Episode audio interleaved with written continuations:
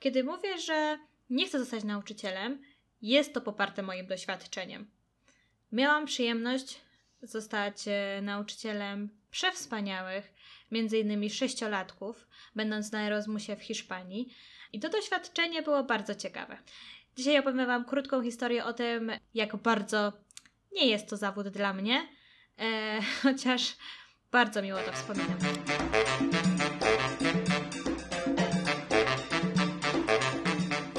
Historia zaczyna się, e, kiedy na trzecim roku studiów postanawiam jechać na Erasmusa do Hiszpanii. Zaraz po tym, jak e, przyjeżdżam do Albacete, dostaję wiadomość na Messengerze od jakiegoś typa.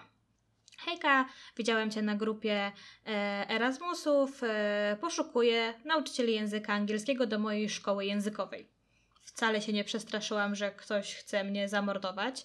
Um, Wiadomo, obczaiłam jego social media, y, stronę szkoły.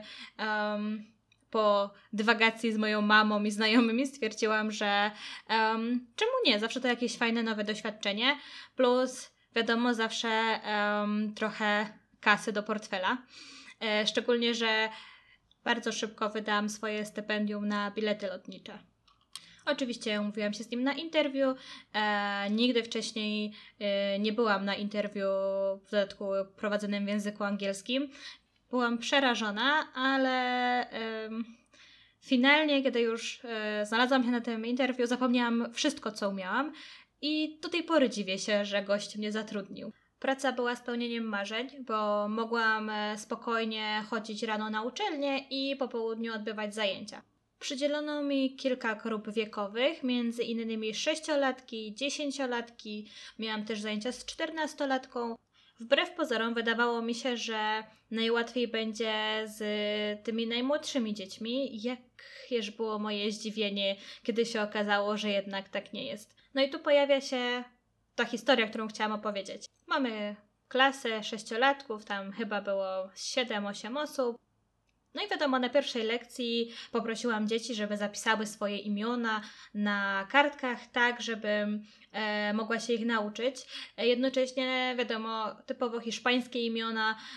Nie powiem, że było mi je ciężko zapamiętać, jednak e, no, trzeba było się troszeczkę przestawić, plus szczególnie uważać na wymowę. W grupie była dziewczynka o imieniu Sonia. Nie wiem, co w tym było tak śmiesznego. To znaczy, wiem, dojdziemy do tego na końcu historii. Um, ale za każdym razem, jak zwracałam się do niej i prosiłam ją o wykonanie jakiegoś ćwiczenia, um, no to dziewczynka je wykonywała, pomimo tego, że cała grupa się śmiała i, i skandowała jej imię. I co najśmieszniejsze, dzieci też się tak do niej zwracały, więc ja nie mogłam zauważyć, że robię coś nie tak. Poza tym dzieci mówiły po hiszpańsku, więc nie miałam zielonego pojęcia o co im chodzi. Oprócz takich, wiecie, podstawowych zwrotów. Um, szczególnie, że ja byłam tam po to, żeby nauczyć ich angielskiego i żeby mówić tam po angielsku. Lekcje były cudowne, dużo śpiewaliśmy, wygłupialiśmy się. Czasem było mi trudno, bo poziom tych dzieci był różny, pomimo tego, że były w jednym wieku. No i dochodzimy do momentu, w którym jedna z mam składa skargę na mnie bo za wolno idziemy z podręcznikiem. Y, I że syn jej się nudzi, bo cały czas robimy to samo. Przypominam, syn ma 6 lat. Podręcznik dla szóstoklasisty y, jest zwykle krótki, a zajęcia nie są bogate w ilość słów, bo takie dziecko po prostu nie jest w stanie zapamiętać tysiąca słów na jednej lekcji. Mówi się, że dzieci są w stanie nauczyć się Y, tylu słów, ile mają lat plus jeden. Jakby nie jest to ta historia, ale um, no właśnie, w byciu nauczycielem to też jest e, spełnienie oczekiwań rodzica. I w tym samym momencie, kiedy rozmawiamy o tym, że mamy całą grupę dzieci, muszę dostosować lekcje do tego, żeby wszyscy uczestnicy się czegoś nauczyli, wpada mama Soni, woła swoje dziecko: Sofia, Sofia! Ja jednym uchem słucham tej mamy, która narzeka, że jej y, syn uczy się za mało, a drugim, że dziecko, które myślałam, że ma na imię Sonia, wcale tak się nie nazywa. No i najciekawsze w tym wszystkim, albo najtrudniejsze może w tym wszystkim jest to, że na następnych zajęciach nie bardzo wiedziałam, co zrobić.